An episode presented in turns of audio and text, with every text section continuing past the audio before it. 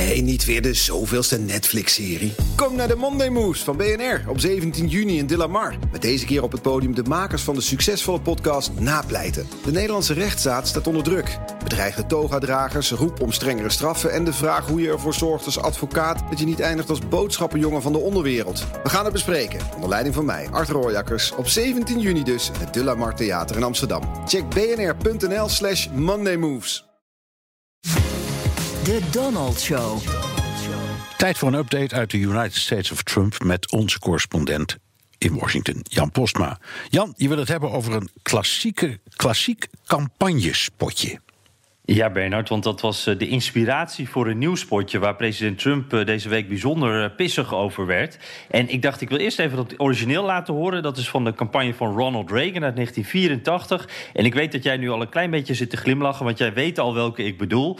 morning in America, ochtend in Amerika, het begin van een nieuwe dag, vol mogelijkheden. En we zien een vredige haven, mooie huisjes met witte hekjes en Amerikanen die met een glimlach naar hun werk gaan.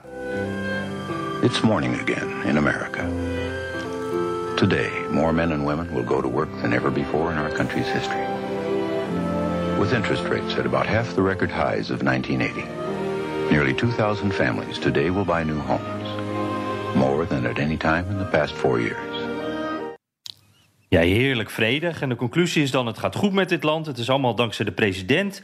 Uh, u wilt toch niet terug naar vier jaar geleden voor Reagan, toen alles minder was. Ja. Het is echt een klassieker. Ik hou van dit sport. Ja, ik ook. Ik, ook Are you better off than you were four years ago? Dat was toen zijn campagnespeech. En het is natuurlijk ook helemaal passend in uh, het beeld van Reagan altijd van de shiny city on the hill. Dat was, dat was het beeld dat hij altijd opriep. Oké. Okay.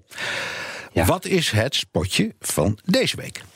Ja, dat, dat is het tegenovergestelde. Die, dit had dezelfde opbouw, maar het heet niet morning uh, in Amerika, ochtend in Amerika, maar morning, uh, rouw in Amerika. En in alles is het echt het tegenovergestelde. Je ziet donkere, grauwe beelden, verlaten fabrieken en ingestorte huizen. There's morning in America. Today, more than 60,000 Americans have died from a deadly virus Donald Trump ignored. With the economy in shambles, more than 26 million Americans are out of work. The worst economy in decades. Trump bailed out Wall Street, but not Main Street. Ja, en de spot gaat daarna nog even door. Onder het leiderschap van Trump is alles slechter. We zijn zwakker, armer en zieker. En dan de genadeklap. And now, Americans are asking... If we have another four years like this... Will there even be an America?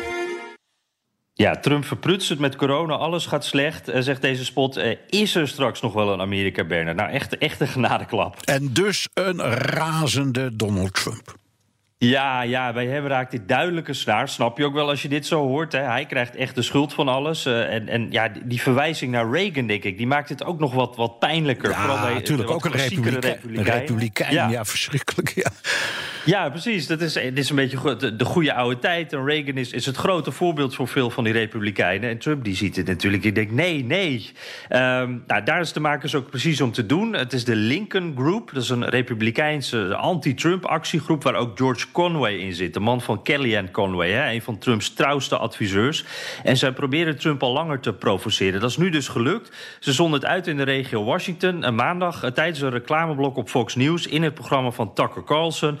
En ja, weet je ook, daar kijkt Trump naar natuurlijk. Dus dat was niet toevallig. Maandagnacht kwamen de boze tweets waarin de makers uh, losers werden genoemd.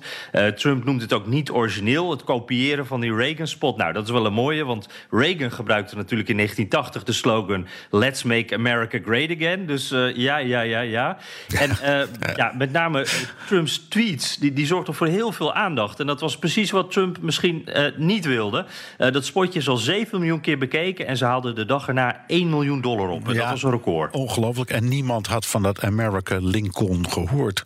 Totdat die gek van het Trump daar tweets over ging sturen, toch? Had hij dat, maar had ik nooit gedaan als ik hem was. Ik had het doodgezwegen.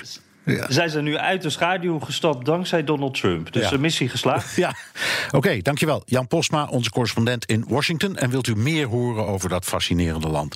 Luister dan naar de Amerika-podcast van Jan en uw dienstwillige dienaar. Bij BNR ben je altijd als eerste op de hoogte van het laatste nieuws. Luister dagelijks live via internet. Bas van Werven. En heel langzaam komt de zon op rond dit tijdstip. Je krijgt inzicht in de dag die komt op BNR, het Binnenhof in Nederland en de rest van de wereld. De Ochtendspits. Voor de beste start van je werkdag. Blijf scherp en mis niets.